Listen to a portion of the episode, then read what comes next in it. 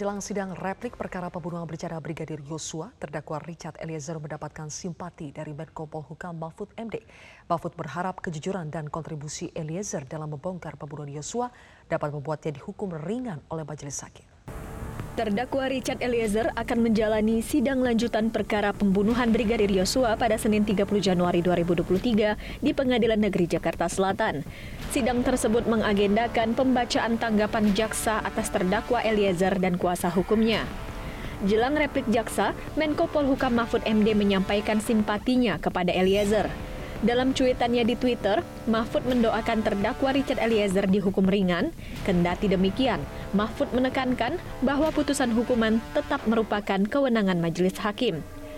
Mantan ketua MK itu juga mengapresiasi kejujuran Eliezer yang telah membongkar rekayasa kasus pembunuhan oleh Ferdi Sambo yang awalnya skenario tembak-menembak menjadi pembunuhan. Wakil Ketua LPSK Edwin Partogi mengatakan, nilai seorang justice kolaborator dalam sebuah perkara tidak hanya bisa dilihat dari perbuatan tindak pidananya, melainkan dari kontribusi apa yang diberikan dalam proses hukum. Menurutnya, Eliezer telah berani jujur untuk membongkar kasus skenario pembunuhan yang perkaranya sudah direkayasa sejak awal. Sehingga pendekatannya bisa pendekatan bersifat umum, yaitu pendekatannya menyangkut soal penerapan pasal dan kualitas perbuatan. Padahal dalam konteks justice soal penerapan pasal dan kualitas perbuatan itu sudah tidak lagi menjadi satu fokus. Yang fokusnya adalah kontribusi dari seorang JC yang membantu mengungkap suatu perkara yang memang sejak awal diakui pembuktiannya sulit.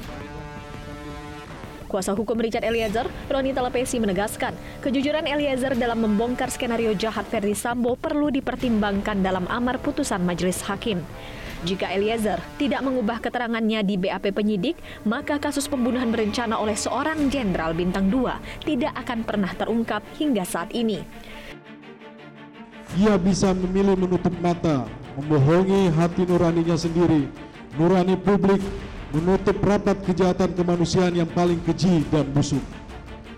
Jika jalan itu yang dia pilih, bisa dibayangkan peristiwa ini akan menjadi kasus pembunuhan yang tidak terungkap dan number, hilang dari pengamatan publik sama seperti kasus kejahatan besar lainnya.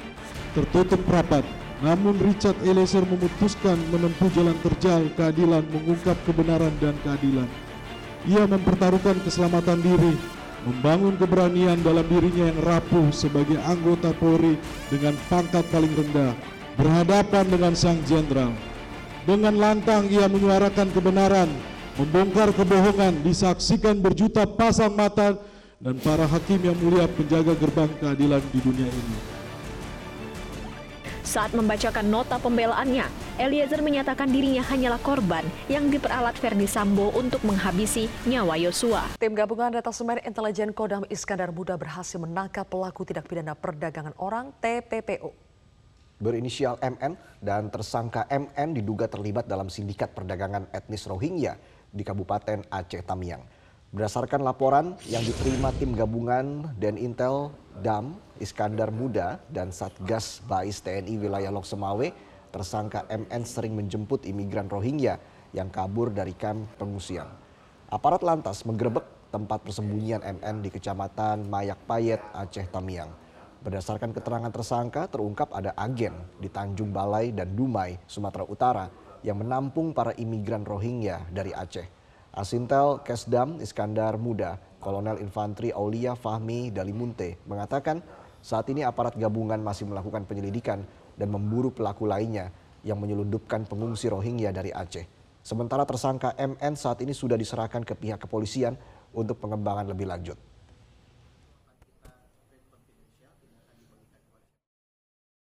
Beberapa waktu yang lalu yang bersangkutan juga mengirimkan pertama tiga orang ke daerah Tanjung Balai. Ini ditampung di tempat rumah sewa uh, saudara D di Tanjung Balai, di mana saudara D ini merupakan agen yang berada di wilayah Tanjung Balai khusus uh, untuk sindikat TPPO Pemirsa kepolisian menetapkan status tersangka terhadap mahasiswa yang tewas akibat kecelakaan lalu lintas dengan pensiunan polisi pada 6 Oktober silam. Polisi menilai pengendara motor lalai dalam berkendara sehingga mengakibatkan ia tewas dalam kecelakaan tersebut. Muhammad Haisha ditetapkan sebagai tersangka setelah kendaraan roda dua yang dikendarainya bertabrakan dengan mobil Pajero milik Eko, seorang pensiunan polisi. Dirlantas Polda Metro Jaya, Kombes Pol Latif Usman menjelaskan, penyebab kecelakaan tersebut adalah kelalaian dari Hasya yang menghilangkan nyawanya sendiri. Hasya disebut merampas hak jalan orang lain, sementara pengendara mobil Pajero tidak dapat ditetapkan sebagai tersangka karena sudah mengikuti aturan lalu lintas. Saat ini pihak kepolisian menetapkan kasus ini SP3 karena tersangka telah meninggal dunia. Setelah dilakukan gelar tiga kali, sehinggalah saya apa, untuk kepastian hukum mengambil kesimpulan kami kasus ini SP3. Karena yang ya untuk Pak Eko ini juga apa secara apa secara dari keterangan-keterangan saksi ini memang tidak bisa dijadikan tersangka. Karena dia dalam posisi hak utama jalan Pak Eko, dia berada di jalan utamanya dia. Sementara itu, keluarga Muhammad Hasya, mahasiswa Universitas Indonesia yang tewas tertabrak pensiunan polisi di kawasan Serengseng Sawah, Jakarta Selatan, menyesalkan keputusan polisi yang menetapkan korban sebagai tersangka. Keluarga korban pun menolak mediasi dalam bentuk apa pun dan akan mengawal kasus tewasnya Hasya hingga ke pengadilan. Keluarga mempertanyakan langkah polisi yang saat kejadian tidak melakukan tes urin terhadap pensiunan Polri berpangkat AKBP yang menabrak anaknya. Selain itu, keluarga korban juga menyesalkan penabrak yang menolak membawa korban ke rumah sakit dengan menggunakan mobilnya dan memilih kabur dari lokasi. Pemirsa lagi-lagi aksi kekerasan terhadap anak berujung kematian kembali terjadi. Kali ini seorang pria di Palmera, Jakarta Barat menganiaya anak kekasih yang baru berusia satu tahun hingga tewas. Tersangka mengaku menganiaya korban karena kesal, korban sering menangis. Kasat Reskrim Polres Metro Jakarta Barat Kompol Haris Kuryawan mengatakan korban dilaporkan tewas setelah diduga dipukul di bagian perut dan dada hingga muntah-muntah. Kompol Haris menjelaskan awal mula kejadian pada hari Rabu lalu saat ibu korban hendak masuk ke dalam kamar namun dikunci dari dalam oleh tersangka. Lima menit kemudian tersangka membuka pintu dan ibu korban mendapati anaknya berada di atas lemari. Keesokan harinya korban mengalami kejang-kejang hingga akhirnya meninggal dunia saat dibawa ke rumah sakit. Ibu korban kemudian melaporkan kejadian ini ke Polres Metro Jakarta Barat. Polisi pun menangkap pelaku di kosnya. Akibat perbuatannya pelaku disangkakan pasal tentang kekerasan pada anak yang menyebabkan kematian serta pasal kekerasan dalam rumah tangga dengan ancaman hukuman 15 tahun penjara.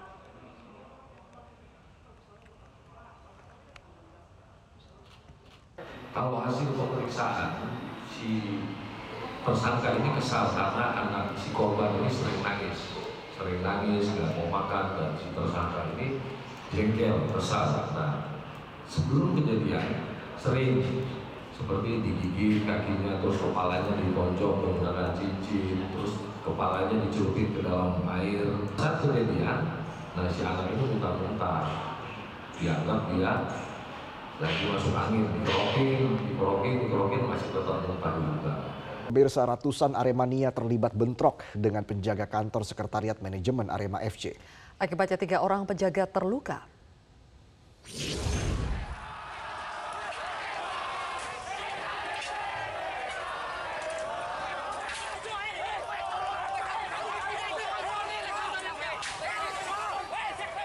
Kantor Sekretariat Manajemen Arema FC dilempari batu oleh ratusan Aremania. Mereka marah karena kedatangan mereka diusir penjaga kantor Sekretariat Manajemen Arema FC atau biasa disebut kandang singa. Aremania pun merangsek ke halaman dan melemparkan kembang api. Akibat insiden tersebut, tiga orang yang merupakan penjaga kantor Sekretariat Manajemen Arema FC mengalami luka di kepala dan tubuh. Sebelum akhirnya membubarkan diri, masa Aremania sempat berorasi dan meminta maaf kepada supporter dan masyarakat yang menerima dampak negatif dari tragedi Kanjuruhan. Pemirsa, Jonathan Christie keluar sebagai juara Indonesia Masters 2023. Jojo memenangi All Indonesian Final melawan Chico Aura Dwi Wardoyo dua set langsung. Dalam laga final Indonesia Masters 2023 di Istora Senayan minggu sore, Jojo menang dua set langsung atas Chico dengan skor 21-15, 21-13, dalam waktu 44 menit. Pertandingan berjalan cukup ketat di awal. Jojo sempat unggul 10-7 setelah smash Chico melebar. Lalu Jonathan atau Jojo mulai menjauh 14-10 usai Chico melakukan dua kesalahan beruntun.